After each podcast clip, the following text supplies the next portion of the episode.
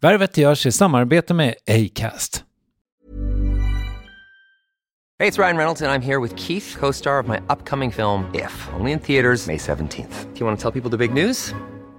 All right, I'll do it. Sign up now and you'll get unlimited for $15 a month in six months of Paramount Plus Essential Plan on us. Mintmobile.com slash switch. Upfront payment of $45 equivalent to $15 per month. Unlimited over 40 gigabytes per month. Face lower speeds. Videos at 480p. Active Mint customers by 531.24 get six months of Paramount Plus Essential Plan. Auto renews after six months. Offer ends May 31st, 2024. Separate Paramount Plus registration required. Terms and conditions apply if rated PG. Quality sleep is essential. That's why the Sleep Number Smart Bed is designed for your ever evolving sleep needs. Need a bed that's firmer or softer on either side? Helps you sleep at a comfortable temperature? Sleep Number Smart Beds let you individualize your comfort so you sleep better together. JD Power ranks Sleep Number number 1 in customer satisfaction with mattresses purchased in-store. And now, save 50% on the Sleep Number limited edition Smart Bed for a limited time. For JD Power 2023 award information, visit jdpower.com/awards. Only at a Sleep Number store or sleepnumber.com.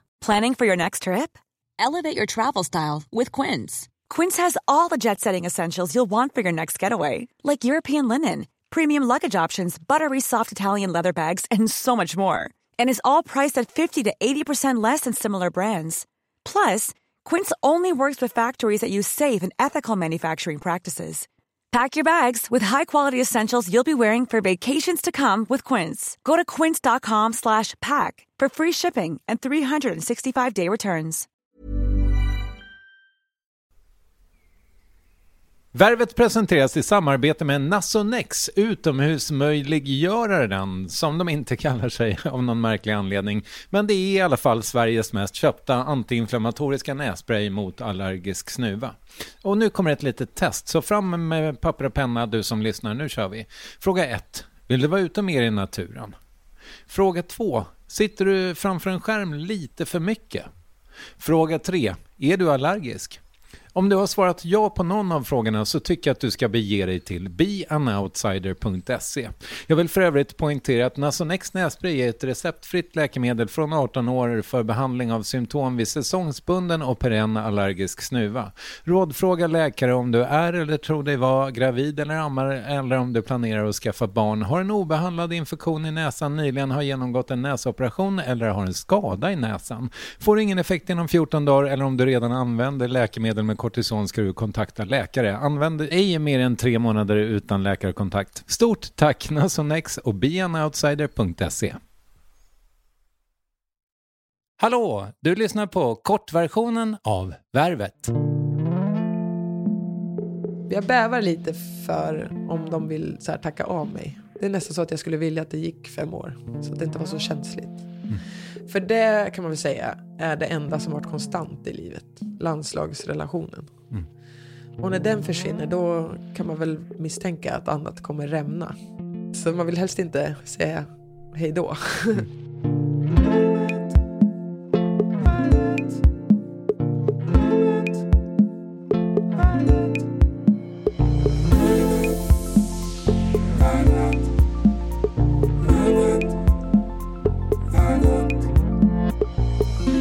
I normala fall skulle du ha hört ett helt vanligt intro här om Hedvig Lindahls exempellösa fotbollskarriär med 189 landskamper, två OS-silver, vinst i tyska ligan, i den engelska FA-cupen och inte mindre än tre VM-medaljer.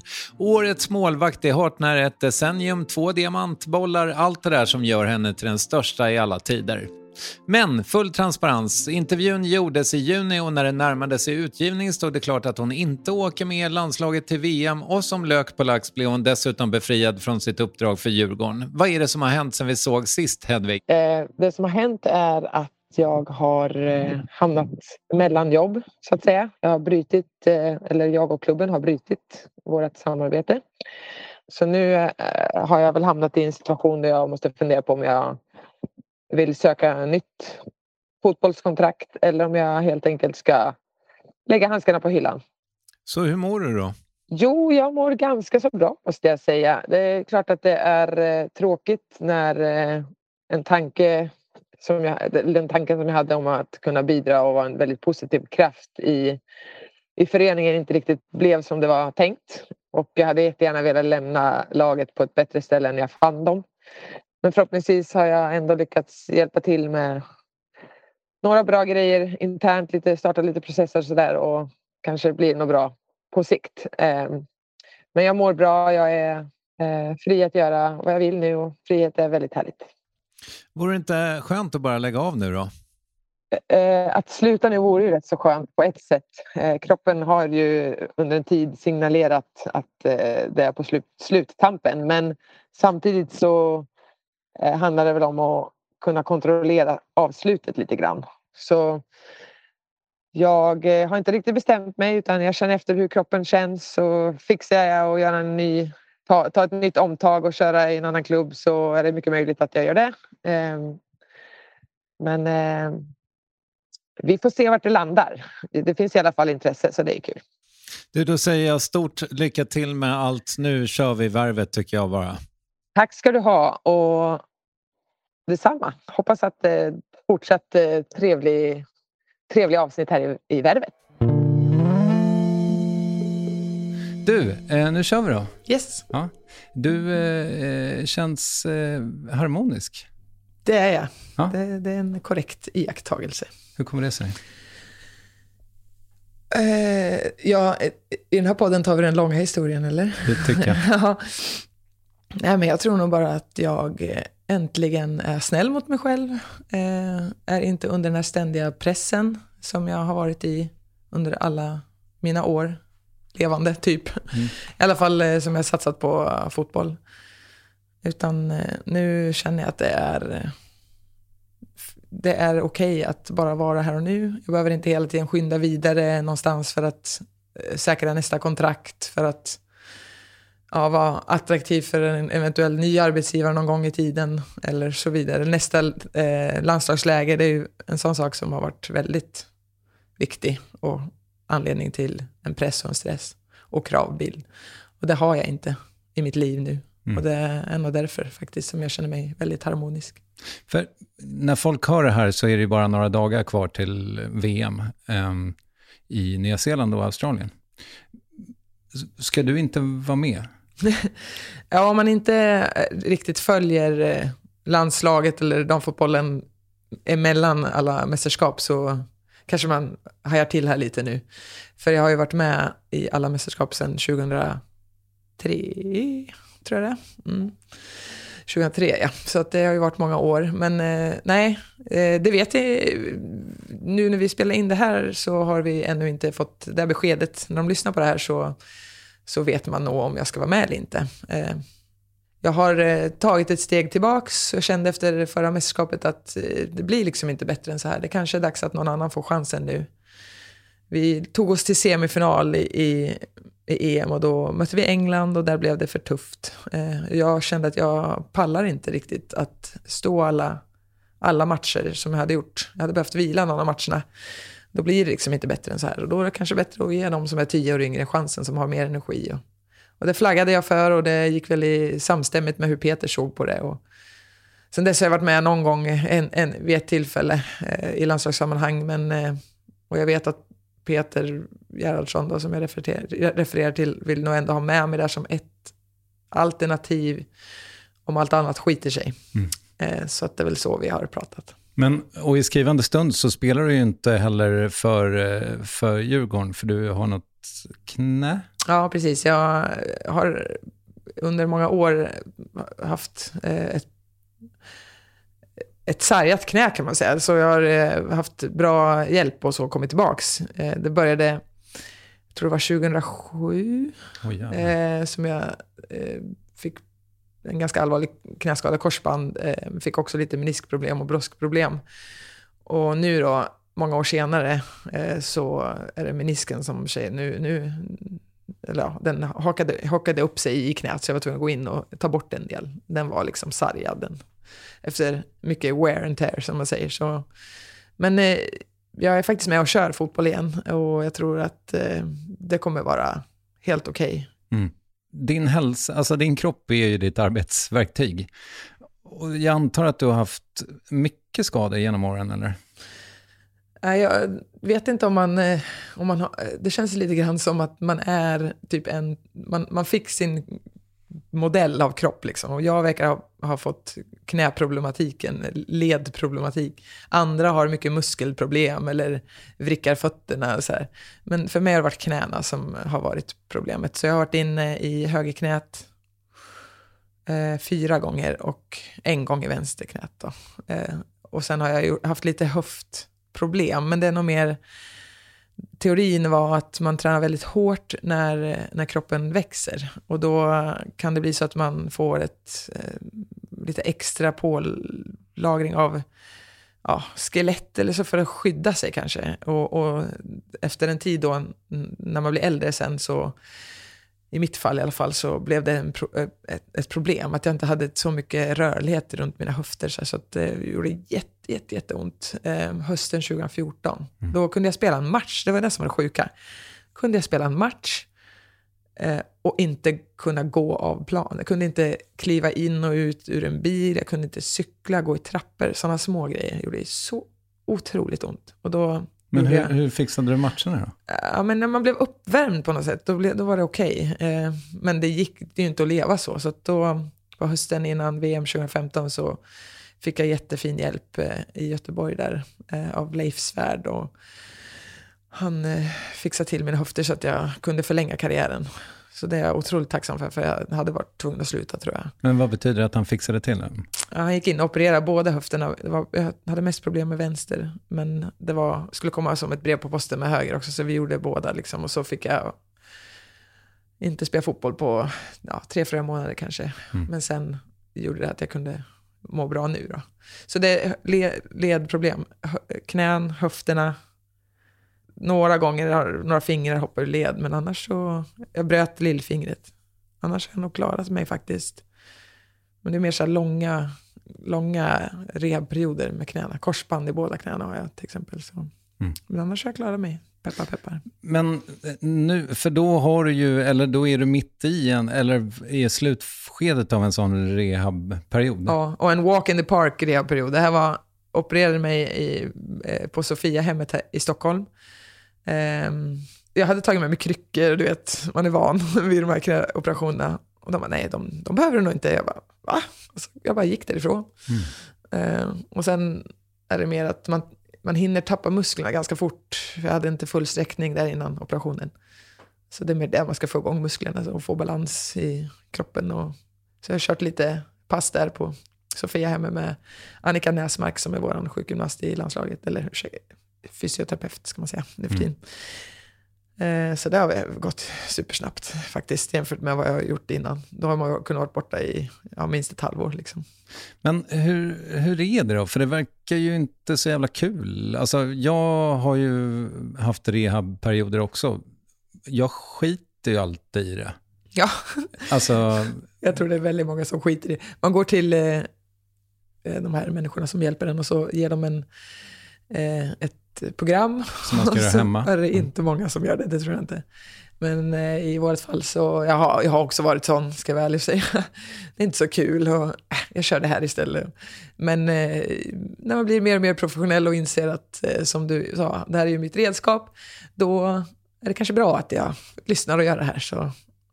Och, nej men, jag kunde ha gjort ganska roliga saker från början nu, den här gången. Men andra gånger så är det mindre grejer, man har ingen rörlighet, man har stort svullet knä eller vad man nu är, man försöker komma tillbaka från. Och då brukar jag säga som ett litet medskick till alla som tycker det är tråkigt att göra de här övningarna, att fira varje liten framgång i alla fall. Så här, om du nu hade problem att sträcka på ut knät efter en knäoperation, då, när du har fått lite mer rörlighet, så fira. Gå ut och på en restaurang och fira. Nu, nu blev det framgång här. Ungefär, man, får, man får bara helt enkelt sätta andra prestationskrav på sig själv och fira.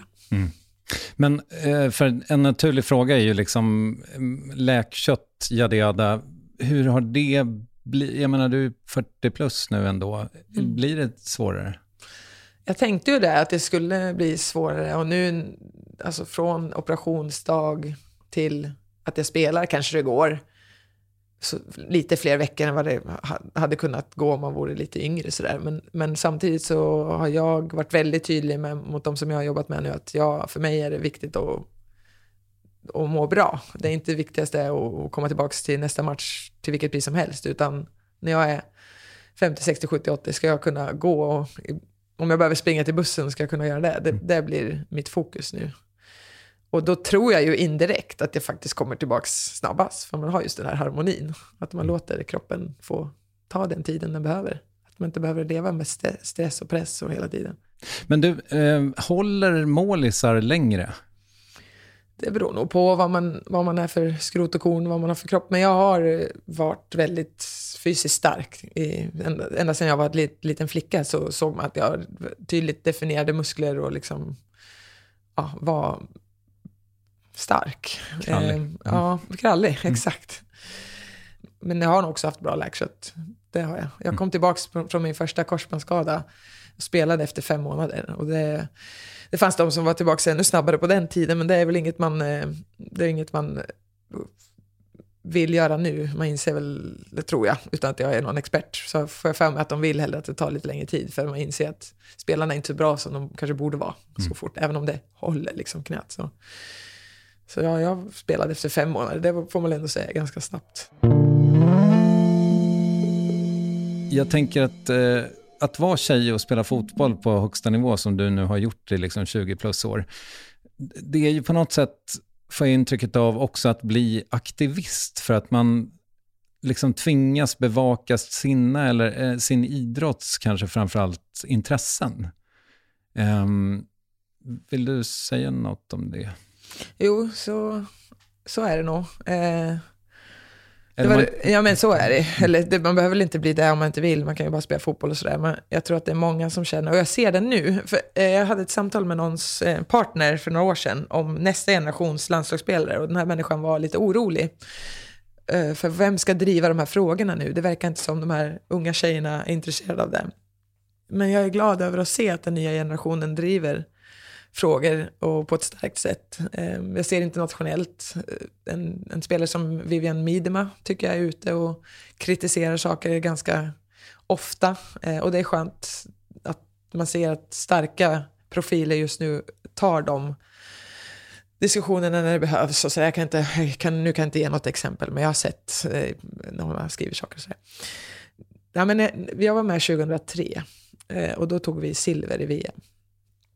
Eh, det var mitt första mästerskap som jag var med. Eh, och när jag kom hem till Malmö då hade jag fått hemskickat en massa ja, gratulationer och blommor och champagneflaskor och allt, vad man, allt som hör till. Och då tänkte jag, nu känner alla igen mig. Tänkte jag. jag var tredje målvakt i VM för Sverige. Mm. Så även om man är tredje målvakt eh, för Argentina i, i herr-VM som var nyligen så tror jag inte man kanske blir igenkänd om man ska veta det. Jag visste inte bättre då, men då var jag 20 år och helt satsat all, all min utbildning, jag, säga. jag har såklart en gymnasieutbildning, men jag gick fotbollsgymnasium. Hela min inriktning var fotboll. Jag ska bli fotbollsproffs. Och hade någonstans bilden av att att det var så här. Och nu, nu när vi kom hem 2003, då var det så otroligt mycket människor som hade följt oss och sett oss. Och det är kanske inte konstigt att jag fick den bilden. Det var JAS-planen och hela Ja, precis. Mm. Och Kungsträdgården och vi firades och så. Men när man inser och börjar zooma ut så här, hur litet det var i, i världen. Då eh, har, eller ja, det är klart jag hade kunnat bara fortsätta spela fotboll, men då vill man ju förändra det. Man vill ju att det ska bli bättre. Då lever vi alla typ i det här stora projektet att damfotbollen ska få ökad synlighet och bättre. Framförallt har jag landat i nu eh, att det handlar om respekt. Vi vill bli respekterade. Och det är väl framförallt det man har känt så många gånger att vi inte har blivit. Då på den tiden handlade det om plantider kanske. Då hade alla ungdomslag på pojksidan tider före och så fick man spela sent på kvällen på någon hård grusplan någonstans. Det var ungefär så om vi hårdrar det. Men det, det, nu när jag har levt ett helt liv i det här så kan man lite lättare för att formulera vad det handlar om. Det handlar om en historia där man förbjöd tjejerna att spela fotboll. Eh, och det spred sig. Det började nog, jag tror att det var England som förbjöd det. Efter att dammatcher hade dragit jättemycket folk. Jätte, jättemycket folk. Eh, och då var det väl anledningar som att nej, men ni ska inte hålla på med det här, ni ska vara hemma och ta hand om barnen och ni ska inte skita ner er och ja, kanske en viss konkurren, konkurrens om marknaden. Eh, nej, vi, vi måste banna det här. Jag satt inte i det där rummet, men mm. några män tog det beslutet att här ska de inte spela fotboll. Och då brukar jag ge det som ett exempel, alla som säger att ja, ni är inte bra och ni ska inte ha några pengar, ni har ingen, ingen som tittar. Man bara, ja men om, om man har en, och jag vet att vissa inte tycker om när man kallar en produkt, men det blir ändå lättast så. Om man säger att man har en produkt i ett företag och så har den haft chans att ta marknadsandelar i 50 år. Och så ska du ut produkt två då, men du är inte villig alls att investera så att den produkten kan också ta lite marknadsandelar, marknadsandelar eller kanske ge sig in på en annan marknad.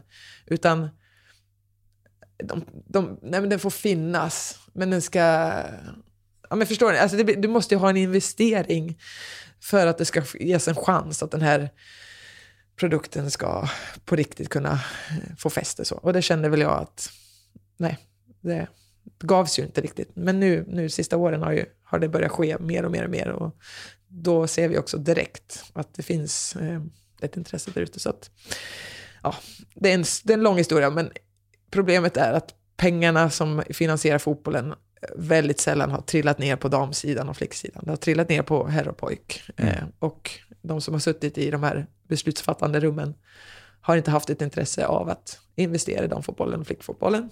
Det börjar ändras nu för man inser oj, det finns ingen tillväxt på herrsidan. Men oj, det är den snabbast växande sporten i världen, damfotbollen ja, ska vi kanske haka, med, haka i det här tåget och eh, tjäna pengarna som kommer komma här då.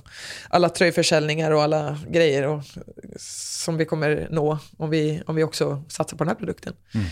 Så nu när det går att tjäna pengar då kommer investeringen och ja, bättre sent än aldrig.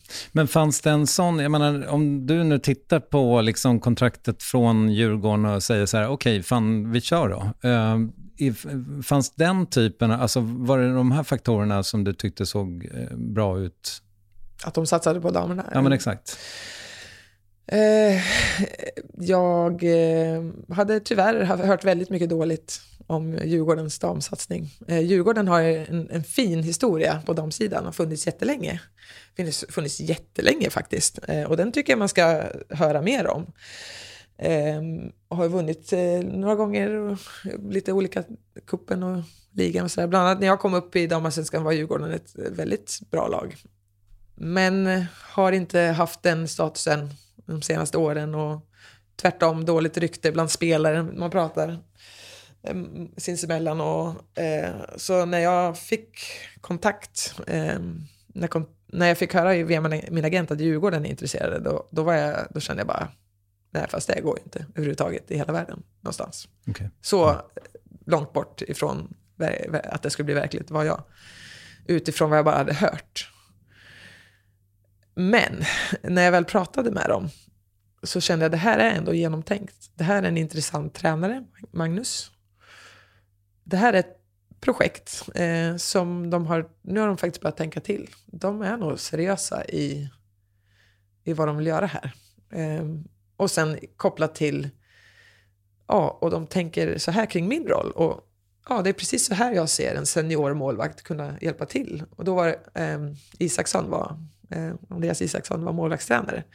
Så tänkte jag, ja men han förstår nog vad de kan få ut av mig. Och, så här.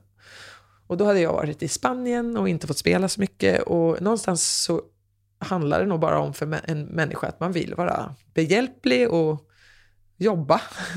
Och jag hade inte fått gjort det. Jag hade tränat och tränat och tränat. Och det är klart man gör ett jobb där som är viktigt, men det kändes som att man slängde energin i sjön. Varför gör jag det här egentligen? Mm. Och då när någon kommer och säger, vi vill att du ska göra det här jobbet i den här rollen. Och, och, och det passade perfekt in i hur jag såg på vad jag kan bidra med på en plan.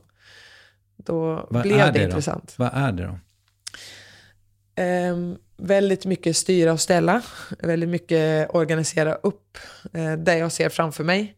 Hjälpa mina eh, lagkamrater till att eh, lättare ta ett beslut som blir bra genom att dels flytta på människor så att de får bra alternativ, men också berätta om vad de har för alternativ. Det, har vi, det är en del, såklart att jag ska göra mitt. Eh, ett A i målvaktsspelet är att och, och rädda bollar och så vidare. Men det är väl där som då min utmaning är att jag är inte lika snabb nu. Som, och liksom, jag är inte lika snabb och jag är inte lika kvick som jag varit. Så att eh, det som jag inte är lika bra på nu kan jag kompensera med att jag är bättre på att organisera bort saker och sådär. Eh, men sen så tror jag också att de nog såg ett värde i att kunna ha mig i laget bara och vi kan diskutera saker som händer eh, som inte är precis här och nu just nu på plan, men det kan vara, vänta, hur behöver vi förbättra den här situationen? Vad behöver vi göra eh, för att bli bättre i försvarsspelet? Det, då kan man prata i, i lugn och ro i, när vi inte är på plan kanske, liksom sinsemellan. Vi kan prata om detaljer. Eh, vi kan prata om allt som har att göra med den mentala aspekten. Vi har varit med om eh, en det ena, en det andra. Vi kan prata om vad som krävs eh, rent fysiskt. Eller, ja. Så att jag hoppas att de såg också ett värde i det där. Mm. Um, men det var väl det som jag kände, de var ihärdiga och långsiktiga och kanske var det nu som det här, den här bilden av laget skulle på riktigt kunna förändras. Det kanske inte riktigt stämde, den, den, den bilden folk hade av Djurgårdens damsatsning. Eh, och när man kommer in då sådär, något som inte är färdigt, då finns det ju jättestor möjlighet att påverka. Det är ju väldigt mycket outnyttjad potential. Så man kan ha stor påverkan. Och jag kände väl att det var intressant. Mm. Nu har det gått eh, tio månader ish. Hur har den här tiden varit då? Mycket intressant, mycket lärorik inte så bra eh, vad gäller... Alltså jag har inte, vi har inte kommit så långt som grupp som jag hade önskat. Eh, jag själv har inte känt att jag kunnat bidra eh, på plan på det sättet som jag hade velat. Eh, jag fick en tuff start redan i min andra match. Så fick jag jättemycket kritik eh, från hur jag betedde mig. Ja, just det. Det var någonting med det där. Ja. och det där blev en följetong eh, som tog jättehårt på mig. Jätte, jättehårt. Jag hade aldrig varit med om maken. Och det har lett till att jag idag är super eh, insnöad på hur eh, det vi kallar dubbelklubbar, alltså klubbar med både herr och damsatsningar och framförallt i Sverige, för det ser lite annorlunda ut i där jag har varit utomlands. Alla länder har nog sina olika sätt att eh, ta sig an det här. Men hur dubbelklubbar i Sverige kan på ett bra sätt rekrytera publik eh, som blir hållbart i längden. Hur, hur kan det leda till att fotbollen får mer tillväxt som helhet och så vidare. Så här, allt det där har jag gått och tänkt på hur mycket som helst och det hade jag inte tänkt skulle ske när jag kom till Sverige. Så det har varit jätteintressant och lärorikt och utmanande och sådär. Eh, jag har lärt mig jättemycket om supporterkultur och herr och dam och herr och damfotbolls liksom skillnaden och så ska vi få ihop det här och ledarskap. Är kopplat med att jag är väldigt känslig för hur man säger, vad man säger, vad är det för värderingar du står för och så vidare. Eh, hoppas att det kan bli bra. Jag mm. hoppas att min eh, återstående tid den här säsongen kan bli bra för alla inblandade. Det finns säkert delade meningar om det när vi pratar just nu, men just nu hoppas jag att det blir bra.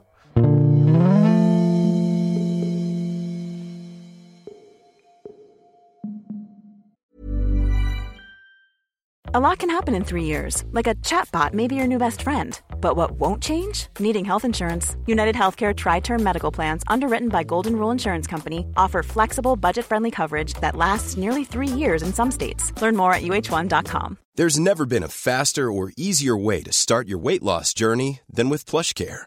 PlushCare accepts most insurance plans and gives you online access to board certified physicians who can prescribe FDA approved weight loss medications like Wigovi and Zepbound for those who qualify.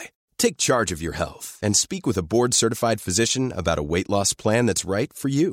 Get started today at plushcare.com slash weight loss. That's plushcare.com slash weight loss. plushcare.com slash weight loss. A lot can happen in three years, like a chatbot may be your new best friend. But what won't change? Needing health insurance. United Healthcare Tri Term Medical Plans, underwritten by Golden Rule Insurance Company, offer flexible, budget friendly coverage that lasts nearly three years in some states. Learn more at uh1.com. Yes, ny sponsor. Värvet presenteras i samarbete med Svea Bank. Och jag menar inte att ta ner stämningen, men dessvärre är ju lågkonjunkturen här, vilket innebär att de flesta branscher har det tufft och också väldigt många privatpersoner.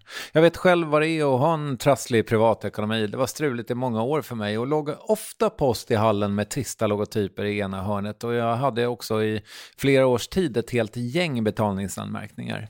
Och tyvärr är det nog många som har det svårt att få ihop till räkningarna just nu, som har hamnat i ekonomiskt trubbel. Och det är här Svea Bank kan kliva in med något som kallas skuldfinansiering. Där löser de skulder hos inkasso och till Kronofogden och till och med om Kronofogden vill sälja ditt boende har Svea Bank möjlighet att hjälpa till.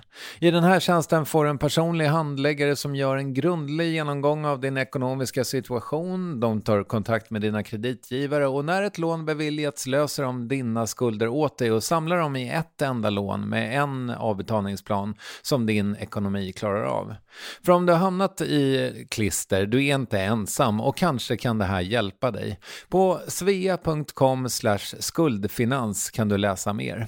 Tack Sveabank! Du, eh, fan, tiden går. Det känns som att jag har så himla många frågor kvar. Eh, men jag funderar på en grej, liksom du är ju otroligt liksom framgångsrik eh, ju.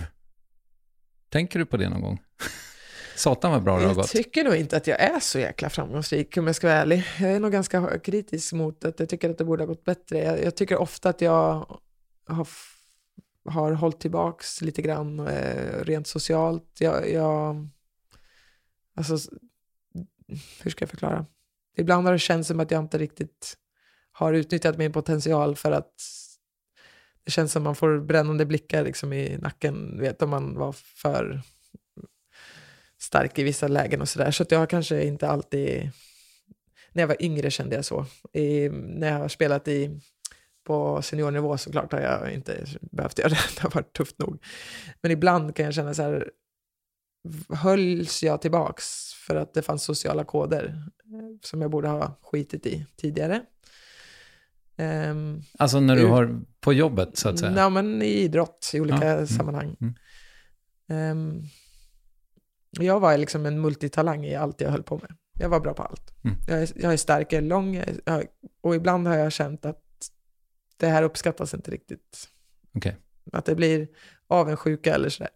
Så jag har nog ibland inte riktigt embraced det till fullo. Liksom. Um, av rädsla för, och det kanske bara, det kanske inte hade hänt något, men det kanske lite för rädsla för att inte få vara med. Liksom.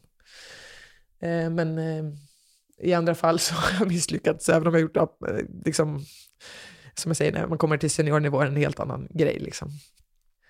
men, eh, så jag hade nog från början, från, från, från grunden, tänkt större tankar om mig själv faktiskt. Och är fortfarande lite så här, ja, det blev så här bra, men kunde ha blivit bättre. Eh, och det kanske det är det här kravet man sätter på sig. Eh, Men vad fan, du, du, hade, du hade ett mål när du var barn och det var att du skulle bli bäst i världen. Du blev det 2018 typ. Räckte ja, inte det? Jag fick eh, ett pris, som jag ser det, så fick jag ett pris av mina kollegor och visserligen var jag bra eh, under några år där.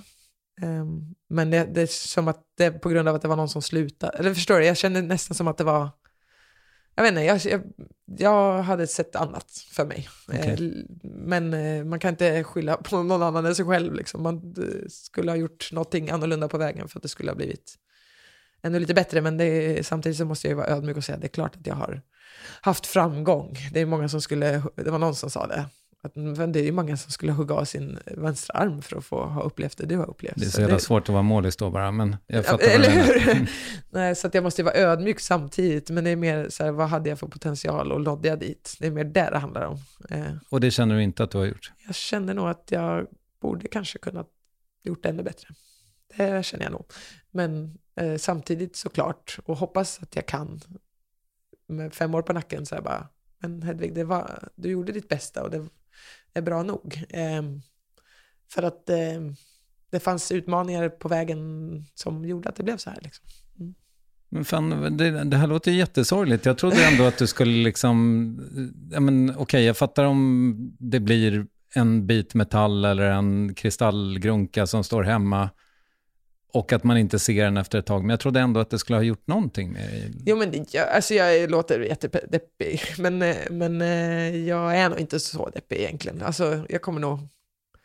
För jag, jag tror att jag någon gång, jag vet, jag kommer inte ihåg vad det var som hade hänt, men någonstans så uttryckte jag mig offentligt på det här sättet på något sätt. Och jag fick så mycket skit av någon som skrev till mig bara, "Ja, ty, liksom, alla som kämpar och de kanske inte vinner, de kanske kommer tvåa. Alla kommer vara så arga på dig nu. Man bara, men ja, jo, men jag kände ju så här. Du vet, en känsla behöver, kan ju inte vara fel. Liksom. Men- Men man kan samtidigt också vara glad och stolt över det man har gjort såklart. Mm. Men samtidigt lite frågande till vad kunde ha blivit. Så. Ehm, men det är klart man ska vara stolt och nöjd och det kommer jag vara och är till viss del. Eh, men samtidigt lite frågande, kunde det ha blivit bättre? Mm. Så jag, för jag, jag, jag har varit lite nyfiken på det här. Jag intervjuade nyligen en skådespelare som berättade liksom att ofta så blir scener som man filmar faktiskt trauman hos skådespelarna. Jag hade inte tänkt på att det kanske kan vara så. Och då tänker jag liksom i, i ditt yrke när man så här, dessutom kanske till och med kan gå tillbaka och titta på situationer, eh, alltså på YouTube eller whatever, och se så här, men fuck, hur fan kunde jag stå vid den stolpen? Alltså, kan vi prata i termer av att det finns liksom trauman hos dig kring dina prestationer? Eh, nu ska man, alltså det, jag har en liten... Att jag är i min generation och har spelat fotboll innan det var så mycket synlighet är ju dels tråkigt, eh, för det är väldigt många räddningar och fantastiska matcher jag har spelat som ni inte har en aning om. Och ni kommer aldrig se. Nej. Det finns en räddning jag tänker på i Linköping som var fantastisk. Men den finns nog inte på tv någonstans. Jag vet inte. Samtidigt- Lyssnarna kan väl höra av sig ifall Ja, de har den. Bara bra grejer får ni skicka in. Vilka mötte du? Jag kommer inte ihåg nu. Okej. Det kan ha varit Djurgården en gång i tiden. Jag vet inte. Nej. Skitsamma, men samtidigt allt det dåliga finns ju inte heller. Så att eh, det är ju bra. Jag tänker på alla ungdomar idag med en smartphone i varenda jävla näve, förlåt att jag svär. Men man kan ju inte göra ett misstag utan att det finns en risk att det är viralt. Och hur landar det på en människa? Det, jag är otroligt orolig för mina barn som ska upp i det här samhället. Alltså. Det kan jag säga. Men det finns saker jag har gjort, eh, beslut jag har tagit, eh, men kanske inte riktigt så att det är på plan alltid, men som är kopplat till fotbollen, som absolut skulle kunna kanske vara något som man behöver prata med hos en hos någon shrink liksom. Eh, det fanns en period då jag hade det jättetufft efter att eh, det hade varit en kommunikation med en forward i ett annat lag via sms. Och det här blev ett rykte kring det här och, och jag känner mig helt missförstådd och allt det här. Liksom, det skulle jag nog kunna säga är ett trauma.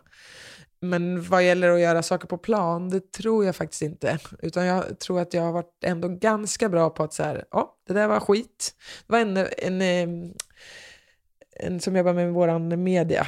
Eh, 2007 spelade jag VM och gjorde ett misstag. Eh, missbedömde en boll, den studsade framför mig och så så studsade den över mig. Eh, ja, jag var- kom precis tillbaka från korsbandsskada och var inte mitt fulla jag. Och en sån grej, den bollen hade jag kanske tagit om jag hade varit liksom rapp i steget som jag brukar vara. Men det blev miss och det blev mål. Och då så berättade han för mig, nu går vi bara ut till media och säger, oj nu blev det, nu gjorde jag en miss, sorry liksom. Och det tycker jag ändå har varit väldigt bra, istället för att man ska skjuta ifrån sig hela tiden. Nej, nej, men hon skulle ha gjort och bla bla bla. bla. Bara, hands up, sorry, jag missade.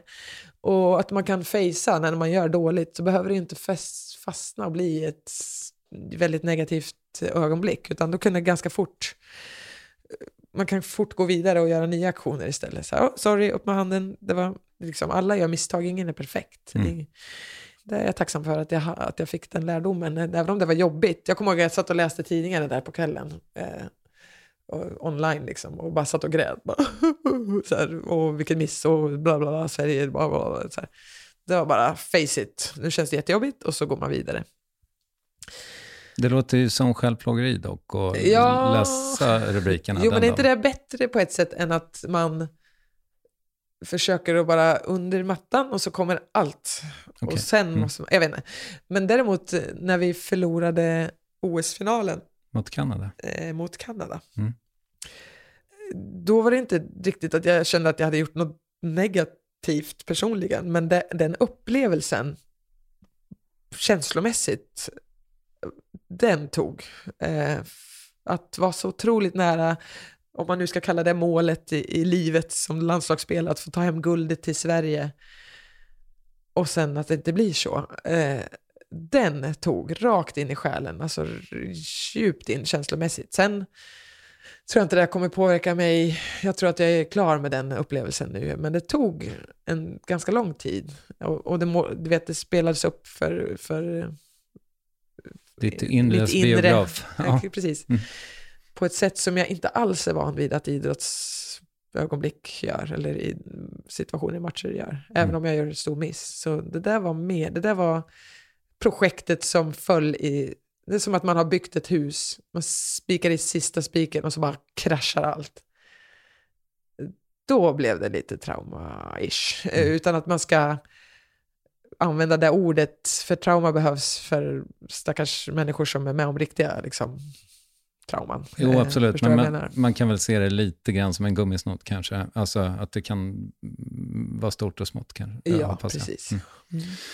Men, eller jag vet inte, om det går att svara sanningsenligt på det här, eller det är också, handlar om framtiden.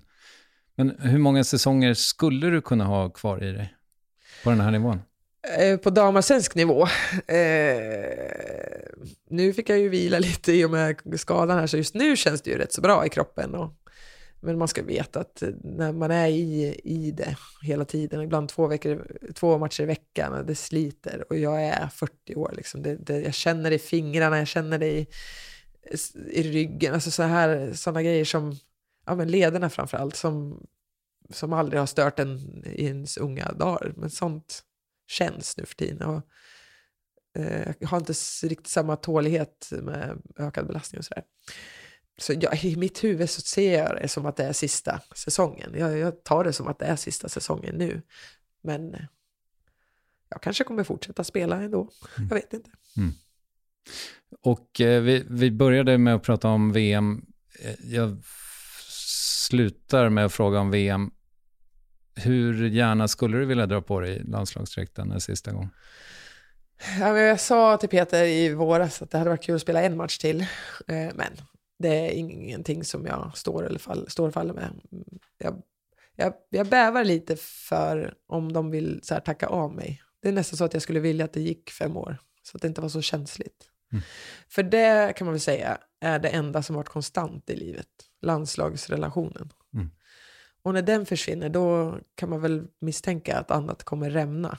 Att det blir en, ett antal procent i livet som försvinner i rena dagar där man har varit där och relationer som man inte kommer ha. Även om det har bytts ut människor där hela tiden så är det ändå, den relationen har varit konstant. Och ta mm. bort den, som jag har haft i mitt liv sedan 1998, då är det lite läskigt.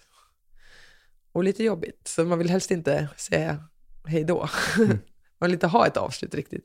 Samtidigt, när man tar bort någonting, ungefär som man rensar ut saker i sitt hus, då gör man plats för något annat. Så rädslan som jag känner behöver sätta sig i baksätet för att jag ser med tillförsikt och eh, lite, ser lite exalterat på framtiden. Eh, det är den känslan som får ta, kanske ta över och, och jag behöver helt enkelt ta tjuren vid hornen och liksom säga hejdå. Mm. Men det kommer bli känslosamt och jobbigt tror jag. Så jag vill nog inte det helst. Mm. Så, ja, kan... Svar på din fråga vet jag inte. Men... Det är också svårt, tänka eh, liksom när man är på din nivå och med dina meriter, att på något sätt liksom eh, simma ut ur bild mm. Eh, i sin egen karriär. Ja, jag hade nog gärna gjort det. Jag tar gärna bakdörren faktiskt, så känner jag. Det kanske blir så. Vi får se. Mm. Du, eh, stort tack för att du kom. Tack för att jag fick vara med.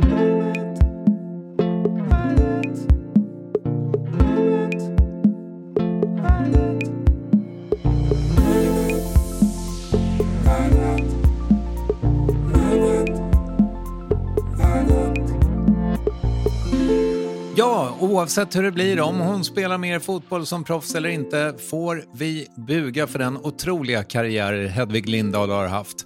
Och med det tackar värvet för idag. Producerade och klippte Jorden Westin, Acast skötte Ulf och jag heter Kristoffer Triumf. På återhörande. Hej!